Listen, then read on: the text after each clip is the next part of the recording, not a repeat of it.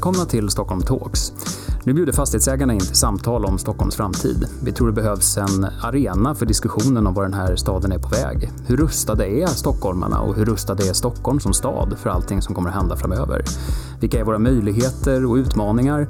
Och inte minst, vad gör stockholmarna glada? Vad gör att våra besökare vill återvända? Du är välkommen att lyssna, men du är också precis lika välkommen att delta i det samtalet som alla stockholmare behöver vara med i. Välkomna till ett nytt avsnitt av Stockholm Talks, Fastighetsägarna Stockholms samtalsserie om framtiden, stadens utveckling och livet i och mellan husen. Ljuset har ju visserligen återvänt till huvudstaden nu under våren efter en lång vinter, men fokus för dagens samtal ska faktiskt ändå vara lite mer vad som händer efter mörkrets inbrott, får man nog säga. Vi ska nämligen prata nattliv, vi ska prata om hur städer lever på natten, om de gör det eller inte, eh, och varför det är viktigt att städer lever på natten och vad det betyder för en stads attraktivitet. I dagarna så släpps nämligen en unik rapport om just detta med fokus på Stockholm.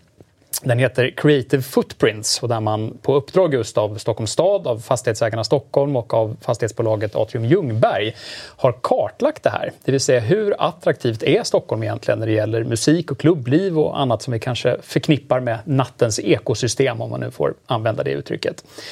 Idag ska vi prata med en inbjuden gäst som är ingen mindre än Martin Lagerberg som är en av nattlivets aktörer i Stockholm och VD på klubb och konsertarenan Follan. Men jag tänkte faktiskt börja prata lite med dig, Helena Olsson, chef för stadsutvecklingsfrågor på Fastighetsägarna i Stockholm. Vad, mm. vad ger du Stockholm för nattbetyg? Ja.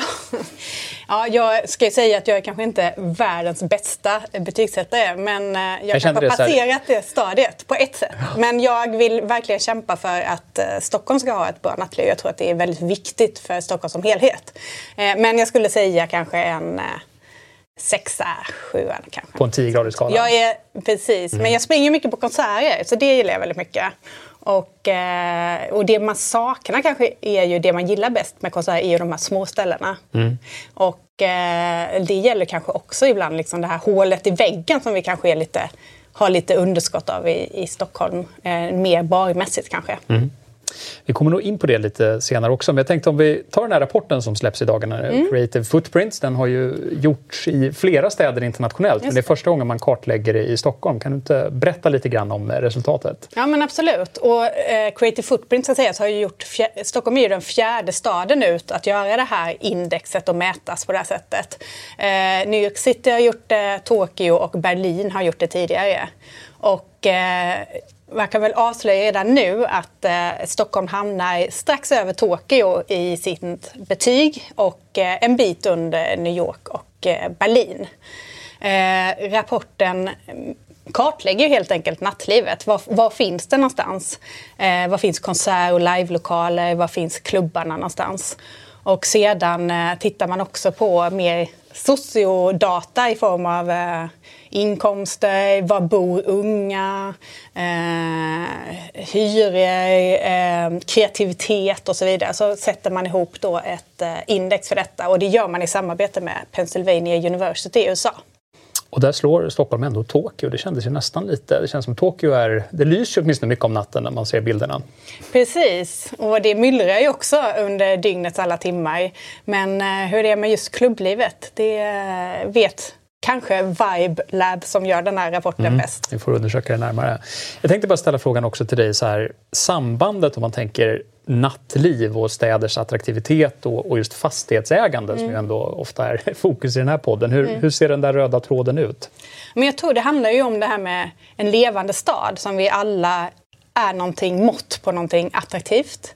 Eh, det är väldigt viktigt, nattlivet spelar en väldigt viktig roll för att locka unga. Både att flytta till en stad, att besöka en stad eller att faktiskt bo kvar, kanske börja plugga och bo kvar efter studierna men också stanna kvar och, och, och bo i en stad.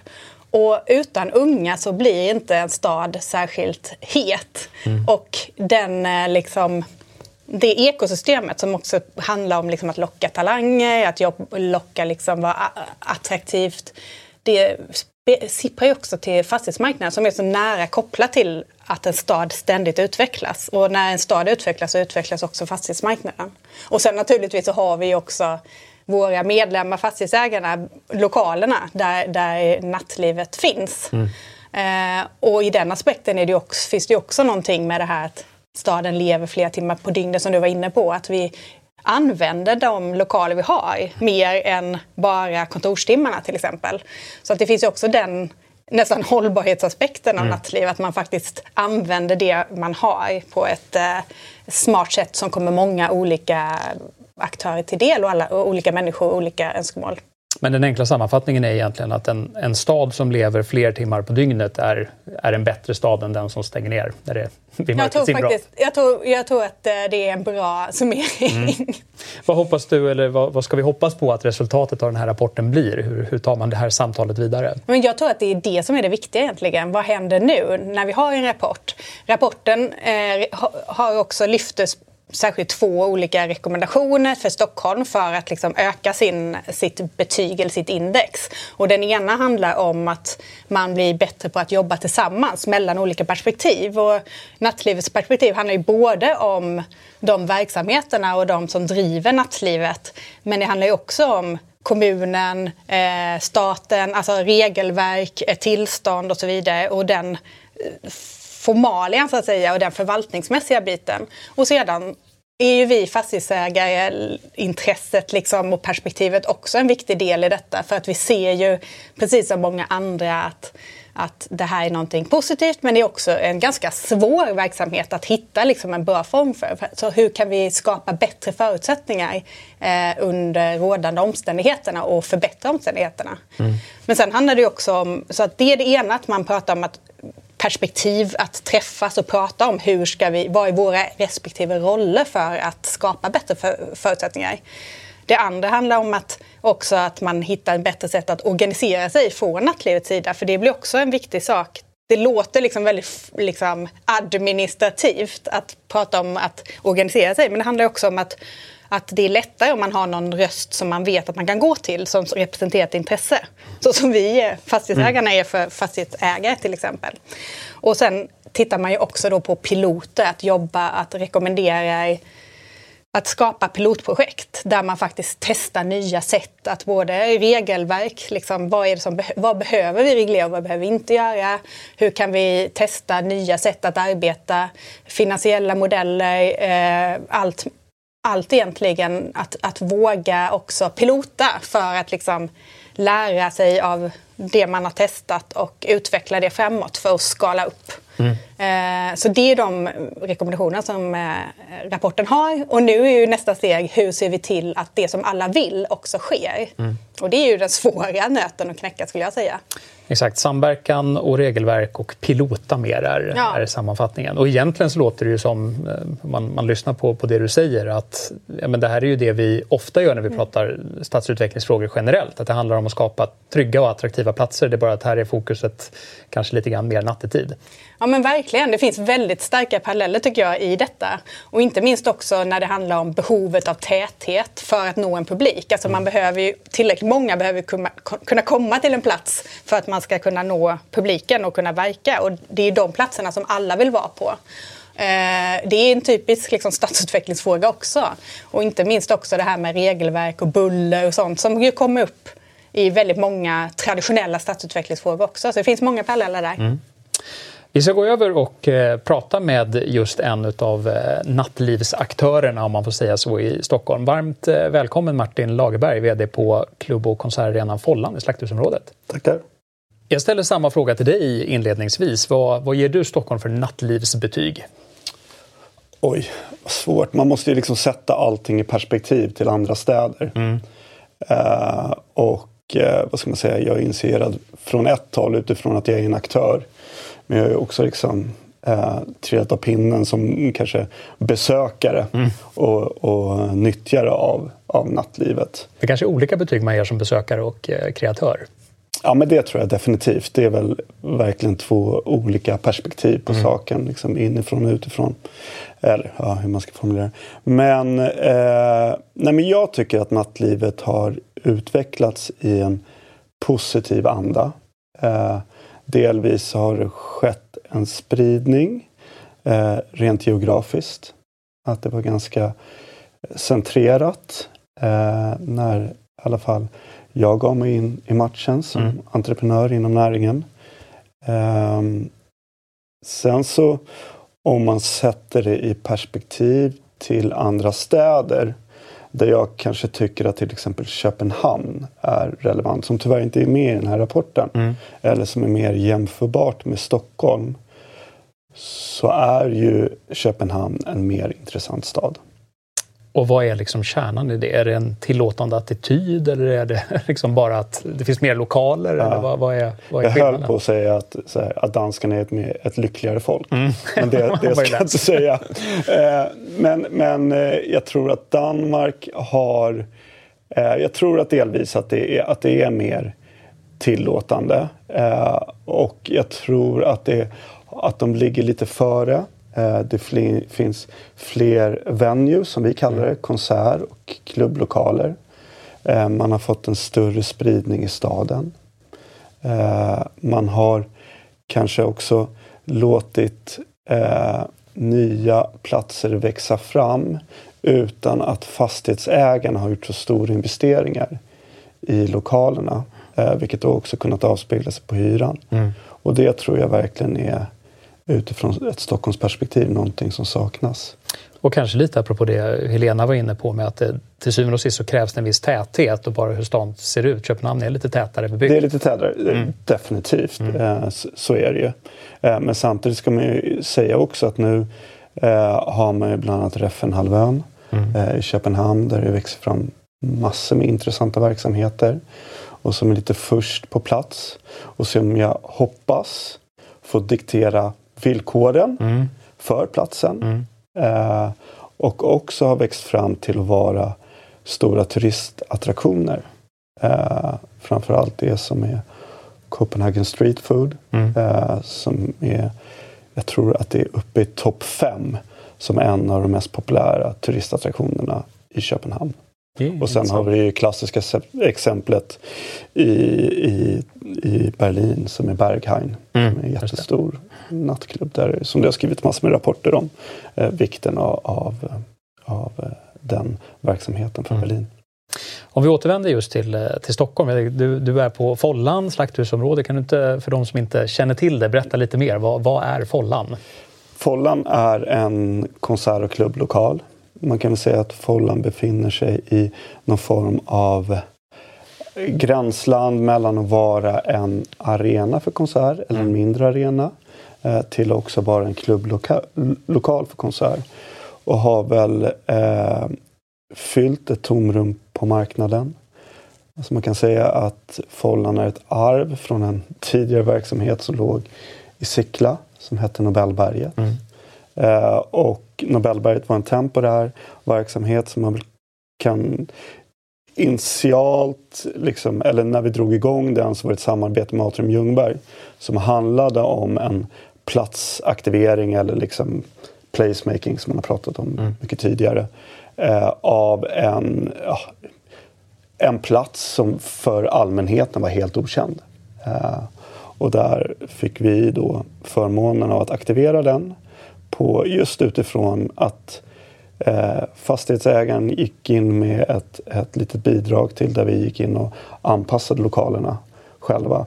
Eh, vilket skapade förutsättningar till en låg hyra. Eh, till kanske en mer kreativ form av allt från hur vi anpassade lokalen mm. eh, till hur vi kunde bedriva verksamheten. Och sen hade vi ju möjligheten där också att dels förvalta väldigt många kvadratmeter själva. Men det fanns också många kvadratmeter där andra kulturaktörer fick möjlighet att liksom driva igenom deras visioner. Men det låter ju lite grann som, återigen apropå det som fanns i den här rapporten, att huvudbudskapet var att det krävs mer av samverkan mellan menar, aktörerna, fastighetsägare, kanske kommunen i tillståndsfrågor. Så det här låter som att man har testat det lite i praktiken då. Verkligen. Det, det var, och jag tror också att det var ett tätt samarbete mellan, mellan oss, de andra kulturaktörerna, Atrium Ljungberg, men inte minst Nacka kommun. Mm. som var väldigt aktiva i det projektet och var en möjliggörare för att det skulle kunna hända. Mm. Och jag tror att Nacka kommun lärde sig också väldigt mycket av den resan. Jag tänker generellt slakthusområdet, ibland när man lyssnar så där om, om ambitionerna och visionerna som finns så beskrivs det ofta som att det här ska bli liksom en ny stadsdel med ganska mycket fokus just på kanske kultur och upplevelser och sådär. Hur, hur, ser du på, på förutsättningarna för det? Är man på rätt väg? Eh, nej, men generellt så tycker jag ju att, att förutsättningarna finns där. Eh, vi har ju Globen och Tele2 mm. som drar eh, otroligt mycket folk. Eh, i omgångar får man väl säga. Mm. Men det skapar ju ett underlag för andra verksamheter. För våran del som, som en kulturaktör och venue så är det ju en plats dit publiken är van att åka. Och, och till skillnad för att komma tillbaka till Nobelberget så var ju det en plats som ingen kände till. Mm. Vi hade ju knappt kollektivtrafik. Nej, det var inte så. Eh, ingen tunnelbana dit. Nej, och, och våran publik eh, eh, visste ju knappt vad Sickla var. Mm. Eh, så, och det är ju en helt andra förutsättningar i slakthusområdet. Mm. Dit folk är vana att åka, även vår publik, för att vi också har eh, Slakthuset och Slaktkyrkan som grannar. Mm. Jag tänkte på det du nämnde där med att Nacka kommun var, var en part i detta. Om man tänker sig mycket av ändå till syvende och sist tillståndsfrågor och sånt där som kanske landar ner i kommunala beslut. Vad är din bild av Varierar det från kommun till kommun? Eller är det liksom samma utmaningar överallt? Alltså jag, jag driver också ett bolag som eh, jobbar med festivaler. Mm. Eh, med logistik och mat och dryck och till viss del programmeringen. Det som inte har med scenen att göra. Och då har vi ju liksom ja, varit aktiva i väldigt många olika kommuner. Och alltså det är vilt skilt. Mm. Hur, och det handlar ju också om en, en vilken erfarenhet och kunskap man har mm. inom liksom, kulturevenemang i respektive kommun. Eh, så att ja, det är knappt jämförbart. Mm. Eh, jag tänker på just de här tillståndsfrågorna som också pekas ut i den här rapporten som att det där är ett område att jobba med. Vad, vad är det för typ av tillståndsfrågor som man skulle behöva sätta tänderna i? Så jag tror det är, det är ju eh, givetvis kopplat till vilken typ av verksamhet eller evenemang du ska mm. driva. Eh, så man kan säga att grundläggande för en, en konsert eller en klubbverksamhet så har du, du har det tillståndet som är kopplat till alkoholtillståndet, mm. serveringstillståndet. Och där är socialtjänsteförvaltningen som är den kontaktytan. Och sen har du det tillståndet som heter enligt ordningslagen som man ofta återkopplar till att det heter danstillstånd. Uh, och det är via polisen. Eh, sen så är polisen uppdelad i två olika enheter. Där det ena är tillståndsenheten mm. hos polisen och det andra är då, eller tre till och med, det andra är lokalpolisen och sen så har vi då den delen av polisen som gör besök, kanske mer utifrån krogkommissionen, mm. har man ju pratat om tidigare. Det eh, känns lite grann där du sa om, eh, skämtade om att Danmark kanske bara är lyckligare. Nu vet jag inte hur det är, men jag föreställer mig att man inte behöver något danstillstånd i Danmark. Nej, det gör nog jag med. Nej, det, kanske säger en del om Men jag synen tror på det. det. Ja. Sen så kan jag tänka mig att det finns ju en aspekt som är väldigt liksom, viktig och det är ju för större evenemang så behöver polisen känna till att de sker. Mm. För det handlar också kanske framförallt i ett område som liksom Globen och Slakthusområdet där evenemang kan krocka. Mm. Uh, så det gissar jag att man också har i Danmark. Mm. Den men det, jag tänker mig att när det gäller tillståndsfrågorna så är väl det där en balansgång att gå. För å ena sidan så, det är så roligt med om man, om man skämtar och säger så här att en, en lite skönt osvensk stämning, det kan ju vara någonting positivt. Men, mm. men om man ska säga lite skönt osvensk brand, brandföreskriftsregler, då, då är det inte så trevligt längre. Liksom. Så att, mm. min, min poäng är att det finns ju ett antal tillstånd och regelverk som vi av säkerhetsskäl och trygghetsskäl måste ha på plats. Och sen finns det rimligtvis andra där man, där man borde kunna se eh, ja, men ha, ha en mer tillåtande attityd egentligen. Mm. Mm. Nej, men jag håller med. Mm. Alltså man kan ju inte tulla på brandsäkerheten mm. och tryggheten för såväl medarbetare eller som, som verkar i huset som publiken. Eh, så, och det är också kopplat till ordningstillståndet och också bygglovet. Mm. Eh, och det är ju ja, givetvis superviktigt och ingenting som... Och också där är ju eh, vad ska man säga, den har ju eh, den är ju någonting som kanske är eh, kanske svårast att sätta sig in i som ny kulturaktör eller någon som driver evenemang. Eh, det har tagit lång tid för mig att förstå vad det är som krävs eh, för en större venue. Sen ska man ju säga för en större venue så är det ju den bemanningen, säkerhetsbemanningen vi har, är otroligt hög. Mm, ordningsvakter. Och, och ordningsvakter och entrévärdar och där de flesta är utbildade som brandvakter. Mm. Och likadant med personalen. Så att, skulle man jämföra med många andra typer av branscher som en galleria mm. så tror jag att vi är så mycket bättre förberedda på en situation där vi har ett, eh, ja, där, där det uppstår en brand eller dylikt. Ja, jag tänker lite grann, du var inne på det, att det, det, är en djungel att ta sig fram i och förstå allt det här. Och en kritik i den här rapporten det är ju att det är ganska svårt för nya aktörer att komma in på Stockholmsscenen, om vi säger, säger så, att, att vara nattlivskreatör, om vi använder det begreppet. Om du, om du skulle berätta lite om din egen väg till att där du är idag, och, och skulle den, är den lätt att göra den resan eller blev det mer en slump att det blev som det blev? Eh, nej, alltså jag startade min resa med att vi startade en verksamhet vid Telefonplan som, hette, eller som heter eh, Restauranglandet som, som var en ambitiös restaurang delvis. Men också en mindre konsert och klubblokal på övervåningen. Eh, och vi var ju helt gröna när vi mm. startade den. Vi kom ju, delvis så kom vi från restaurangbransch men också hade, hade drivit klubbar. Eh, och eh, samtidigt som vi också var väl, vi hade ju pluggat hela gänget och hade väl en viss förståelse. Jag är gammal samhällsplanerare också. Mm. Visste lite hur liksom, kommuner och landsting etc. Mm. Är, är uppbyggda. Eh, men det var ju, nej, det var ju jättesvårt alltså, att förstå hur allting funkade. Vi byggde även stället själva. Så då hade vi också bygglovsfrågorna mm, som, ju, ja, som ju även idag är, tycker jag, svårt att sätta sig in i. Mm. Uh, och förstå hur, hur processen ser ut och vad som krävs av den. Ehm, men, men jag tror att kanske jag tror inte tillståndsfrågorna egentligen var vår största utmaning när vi drog, drog igång det.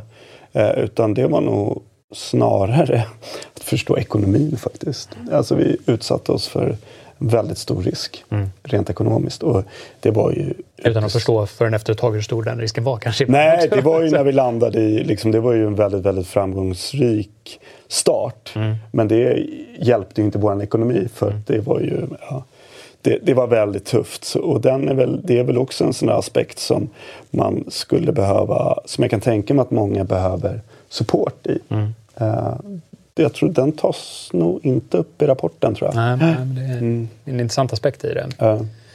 Jag tänker mig om du skulle få ge några tips. Här. Man börjar med alltså en, en ny eh, person som vill men liksom etablera sig lite grann. Du är ju en väldigt etablerad person på den här scenen, mm. men någon som är ny i det och vill, inte vet jag, starta en klubb, starta någon form av liksom, kulturevenemang nattetid. Vad, vad, vad, vad önskar du att du hade vetat från början eller vad skulle du ge för råd? Uh om man bortser från det här att vi sprang rakt in i en ekonomi som vi inte hade en aning om. Eh, så, så tror jag att, att, förstå, att förstå hur tillståndsprocessen eh, fungerar eh, och vad, vad det krävs av verksamheten för att få den på fötter. När det kommer till det sen så finns det ju, jag skulle säga att det finns massor med aspekter som man behöver eh, förstå och, och som man inte kommer undan. Och där tror jag att till exempel någon form av mentorverksamhet skulle kunna vara mm. en, en, någonting som kan hjälpa många eh, i att liksom få igång en sådan verksamhet. Eh, och sen så är det väl, det är också så att den eh, om du ska dra igång en verksamhet, om du drar igång en liten verksamhet, då, då är du kanske inte så beroende av att vara en etablerad aktör. Mm. Men det som jag kanske har märkt under året, det är att du behöver ha ett proof of concept mm. för att få med de som producerar innehållet. Eller för den som kan vara bokningsbolag eller klubbarrangörer. Att det är på riktigt? Liksom, att det är på riktigt och att mm. du kan leverera en produkt mm. som deras artister är nöjd med. Mm. Uh, och den är utmanande. Mm. För då behöver du bygga en organisation. Eh, som kan det här och har gjort det förut. Så jag skulle nog säga att, att jag tror att det kan vara bra att börja lite småskaligt. Mm. För att successivt kunna växa. Och det kan ju också vara så även om man har fått tag på en lokal som har många kvadratmeter och, och har många förutsättningar så kanske man ska fundera på att växa organiskt i den, i den lokalen. Mm. Och då också ha med sig fastighetsägaren på det. att hyran anpassas därefter. Mm.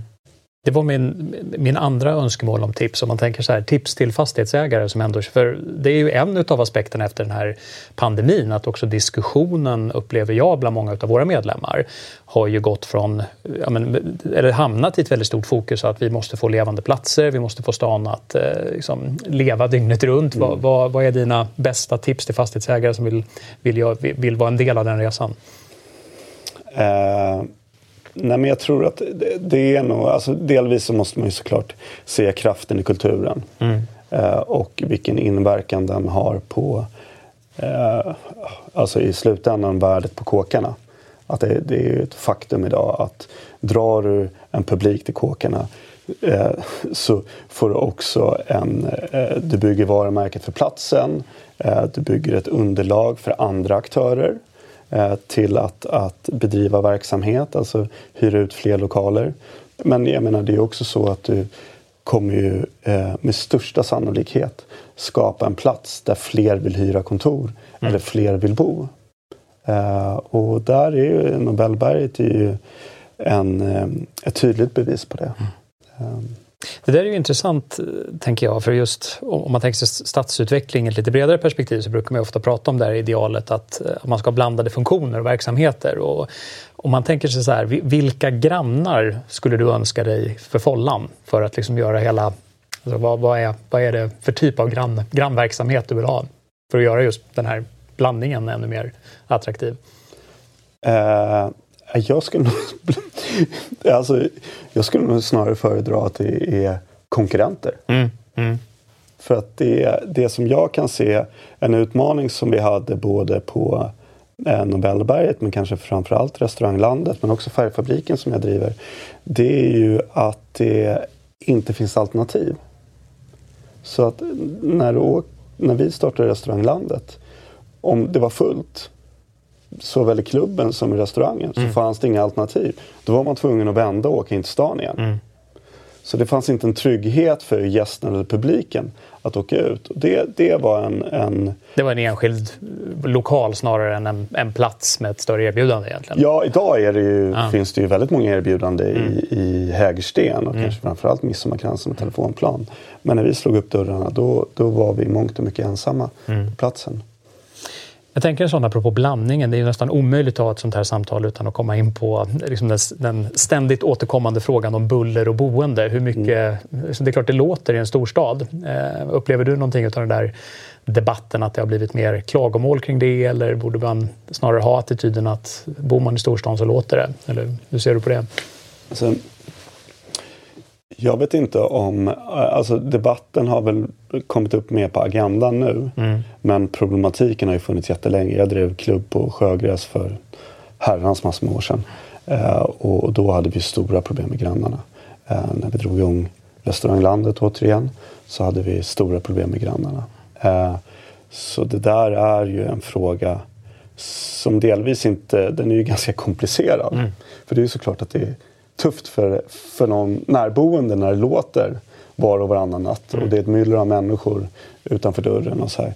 Men samtidigt så för själva kulturverksamheten så är det en väldigt påfrestande och eh, försvårande liksom, omständighet med klagande grannar. Mm. Uh, och där tror jag också att det, där finns det två frågor som, som man måste ta upp. Uh, den, e-, den ena delen i det här det är ju att när jag eh, som ung entreprenör hade klagande grannar till verksamheten så försökte jag lösa det där på egen hand genom att ha kontakt med grannarna. Mm. Och till slut så var ju det en dead end. Ja, okay. De var ju inte intresserade Nej. av att kompromissa. Hur mycket vi investerade i bullerskydd. när du kom och knackade på. Liksom. De visste vad som skulle hända när du kom och knackade på. Ja, eller när vi ringde eller vad ja. det nu var och försökte plåstra om situationen. Eh, så, så, där skulle ju eventuellt miljöförvaltningen eller en kulturlots eller något behöva vara en del en, en part som kan vara med i den diskussionen.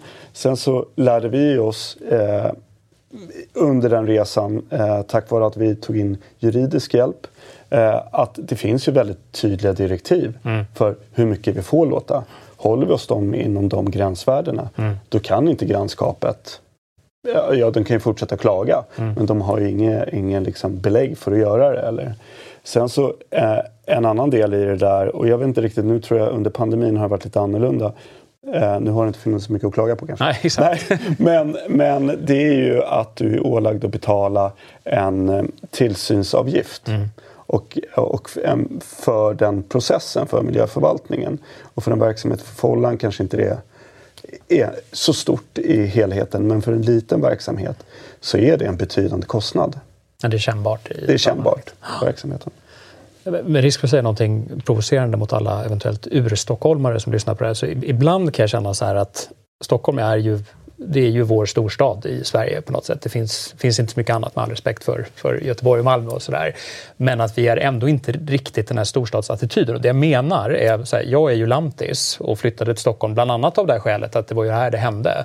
Eh, men, och då accepterar man, jag tycker ofta när man pratar med folk som inte är födda i Stockholm, då, då tycker man ofta den här attityden att det är klart det måste få låta och bullra och hända saker och det ska myllra.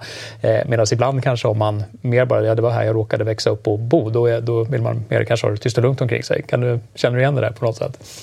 Uh, oj, alltså jag har aldrig slagits av den frågan måste jag mm, säga. Mm. Uh, och jag är någon form av urstockholmare mm. sedan generationer. Uh, men ja, det låter ju inte ologiskt. Så. och ehm, jag försöker fundera på om bara se de eh, bullerärenden vi haft. Om jag funnit, man kan se någon korrelation ja, Det kan vara det kan jag tyvärr inte. För att jag, men det, det, jag tycker det är en intressant fråga. För ja, det är ju, en storstad är ju på något sätt alltid eh, Liksom, vad ska vi säga, en arena för kompromisser mellan folk som vill olika saker ja. och ska vara många på samma plats. Ja. Men eh, det är ju det som är själva, själva poängen med en stad. Men det är väl klockrent, då är det bara att tömma, tömma innerstan och, och närområdet till kulturverksamhet mm. på urstockholmare. Ja, mm. exakt, vi får se. Ja. Vi ska börja avrunda, men jag tänkte ändå så här, nu kommer vi ut förhoppningsvis ur den här pandemin och det har ju såklart varit mycket, mycket fokus på, vi har alla sett på något sätt att mycket av kulturlivet har ju drabbats väldigt, väldigt hårt. Är din bild av att nu börjar det glada 20-talet och som en del pekar på, nu, nu, nu finns det ett uppdämt behov? Eller är det också en sargad bransch som kommer att ha svårt att liksom, lyfta igång all aktivitet efter det här? Eh, jag tror att det är lite av en sargad bransch. Det finns många utmaningar som, som eh, näringen dras med. Eh, en del av det här det är ju att vi har en, en ung generation som fyllde 18 mm. under pandemin eh, och som inte har erfarenheten av att gå på konsert eller gå på klubb mm. och har hittat alternativ. Mm. Eh, och det tror jag kommer vara en utmaning för, för branschen att lotsa in dem och få Ja, få dem att förstå som, hur ja. en sån verksamhet fungerar. Det är någon sorts så här, erfarenhetsglapp i generationen? Ja, men jag tror det. det, mm. det är nog, vi har pratat med tillståndsmyndigheten och polisen om det här också. Att det, måste, det är en aspekt som vi måste ta in. Mm. Uh, att vi måste lära ut hur man beter sig under en mm. konsert eller en klubb liksom, för att vara lite hårdragen. Uh, så, det, så det tror jag liksom är, är den ena delen i det. Sen så ska man säga också så här att det är ju att under 2022 så kommer många tampas med utmaningar. Mm. Allt från att man har dragit med underskott till att det är svårt att rekrytera personal. Mm. Eh, till att för framförallt eh, vår verksamhet som jobbar med framförallt internationella musikakter eh, så har väldigt många evenemang ställts in mm. eh, och flyttats fram i tiden. Eh, och att det är väldigt mycket som händer trots det. Eh, så det är tuff konkurrens mm. mellan konserterna. Eh, så det, det är en aspekt som jag tänker man också kan ta med som fastighetsägare. Att bara för att vi, det här glada 20-talet tror jag dessvärre inte kommer komma. Mm. Eh, vi får hoppas på en bra sommar mm. för alla aktörer, såväl restauranger som, som kulturbärare. men jag, jag skulle önska att det finns en lyhördhet från fastighetsägarna. Det låter väl som en, eh, ett utmärkt slutord för det här samtalet ja. om eh, bättre samverkan och eh, mer utav aktivitet både på dag och natt i Stockholm. Men Martin, stort tack för att du ville vara med i poddsamtalet idag. Stort tack, jättekul. Och tack för det här avsnittet. Vi kommer tillbaka med andra spännande diskussioner om Stockholms framtid och livet i och mellan husen. Glöm inte bort att följa oss i sociala medier på till exempel Instagram och Facebook. Tack så mycket.